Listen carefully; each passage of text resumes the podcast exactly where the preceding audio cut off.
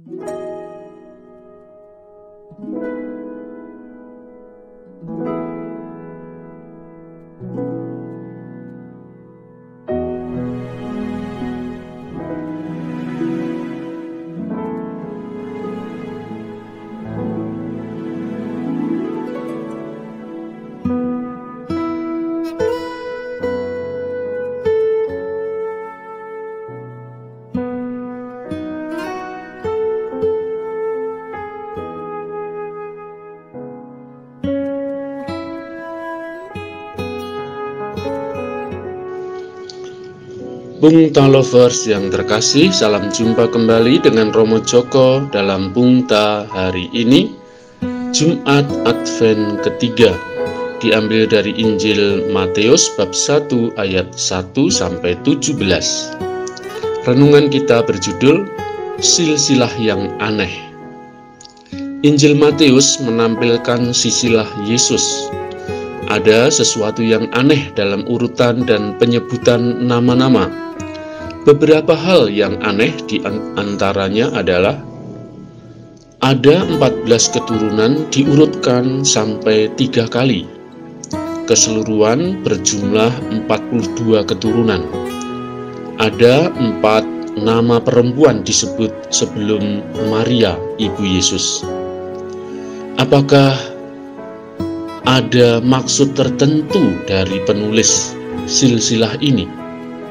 Yang jelas, kita dapat menduga bahwa Matius ingin meyakinkan kita bahwa Yesus adalah keturunan Raja Daud dan keturunan dari Bapak Abraham.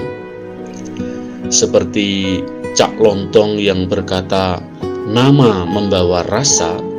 Di sini Matius menjelaskan angka membawa makna. Angka 14 dalam bahasa Ibrani adalah bilangan nama Raja Daud. Seperti orang Jawa melihat angka 7 langsung mengertikan sebagai pitu, pitulungan. Demikian juga orang Yahudi melihat angka 14 langsung mengerti maksudnya, yaitu bilangan nama Raja Daud. Dari situ kelihatan yang mau ditunjukkan adalah Yesus sebagai keturunan Raja Daud. 14 dikalikan 3 sampai kepada Abraham.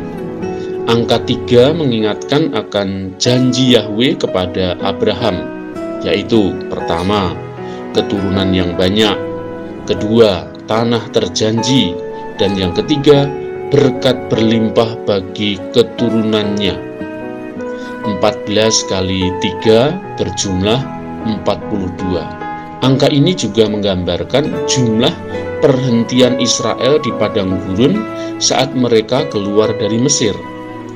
Matius ingin menjelaskan bahwa Yesus adalah Musa baru yang membawa bangsa manusia keluar dari perbudakan dosa menuju tanah terjanji, yakni keselamatan abadi.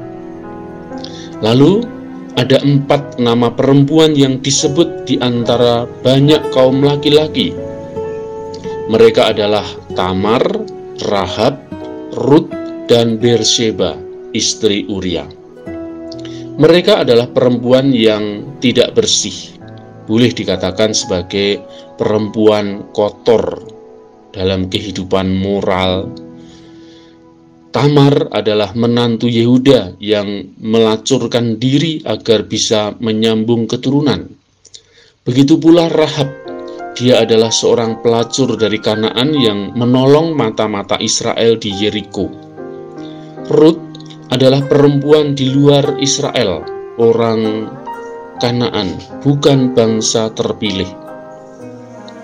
Sedang Beersheba adalah istri Uria, prajurit Daud yang direbut dengan cara licik dan keji oleh Raja Daud. Tentu saja disebut kemudian Maria, perawan yang mengandung dari Roh Kudus sebelum ia menikah dengan Yusuf. Pungta lovers yang terkasih, Matius mau mengatakan bahwa karya agung Allah untuk menyelamatkan manusia itu melampaui segala batas. Allah berkuasa menggunakan siapa pun untuk menyelamatkan manusia, bahkan perempuan berdosa, orang kafir, bukan kalangan bangsa terpilih, dipakai Allah sebagai karya keselamatannya. Keselamatan Allah itu bersifat universal, untuk siapa pun, untuk semuanya. Allah memakai segala bangsa untuk ikut ambil bagian dalam karya penyelamatannya. Dosa tidak menghalangi niat Allah untuk menyelamatkan manusia. Manusia berdosa karena perempuan pertama, yakni Hawa. Manusia diselamatkan melalui Hawa yang baru, yaitu seorang perempuan bernama Maria. Kita sekarang sedang dalam situasi kegelapan, ada dosa dan keputusasaan karena pandemi yang sulit. Namun, dalam situasi dosa dan kemuraman, Allah memberi pengharapan datangnya penyelamat. Seperti virus COVID yang menantikan, yang mematikan, dosa juga menuju kepada kematian. Namun harapan datang dengan munculnya vaksin. Kita juga punya harapan dengan datangnya Kristus yang menyelamatkan. Marilah kita semakin percaya kepada Allah yang menggunakan segala macam cara untuk menyelamatkan kita. Sampai jumpa, salam sehat, jangan lupa selalu bahagia, berkah dalam.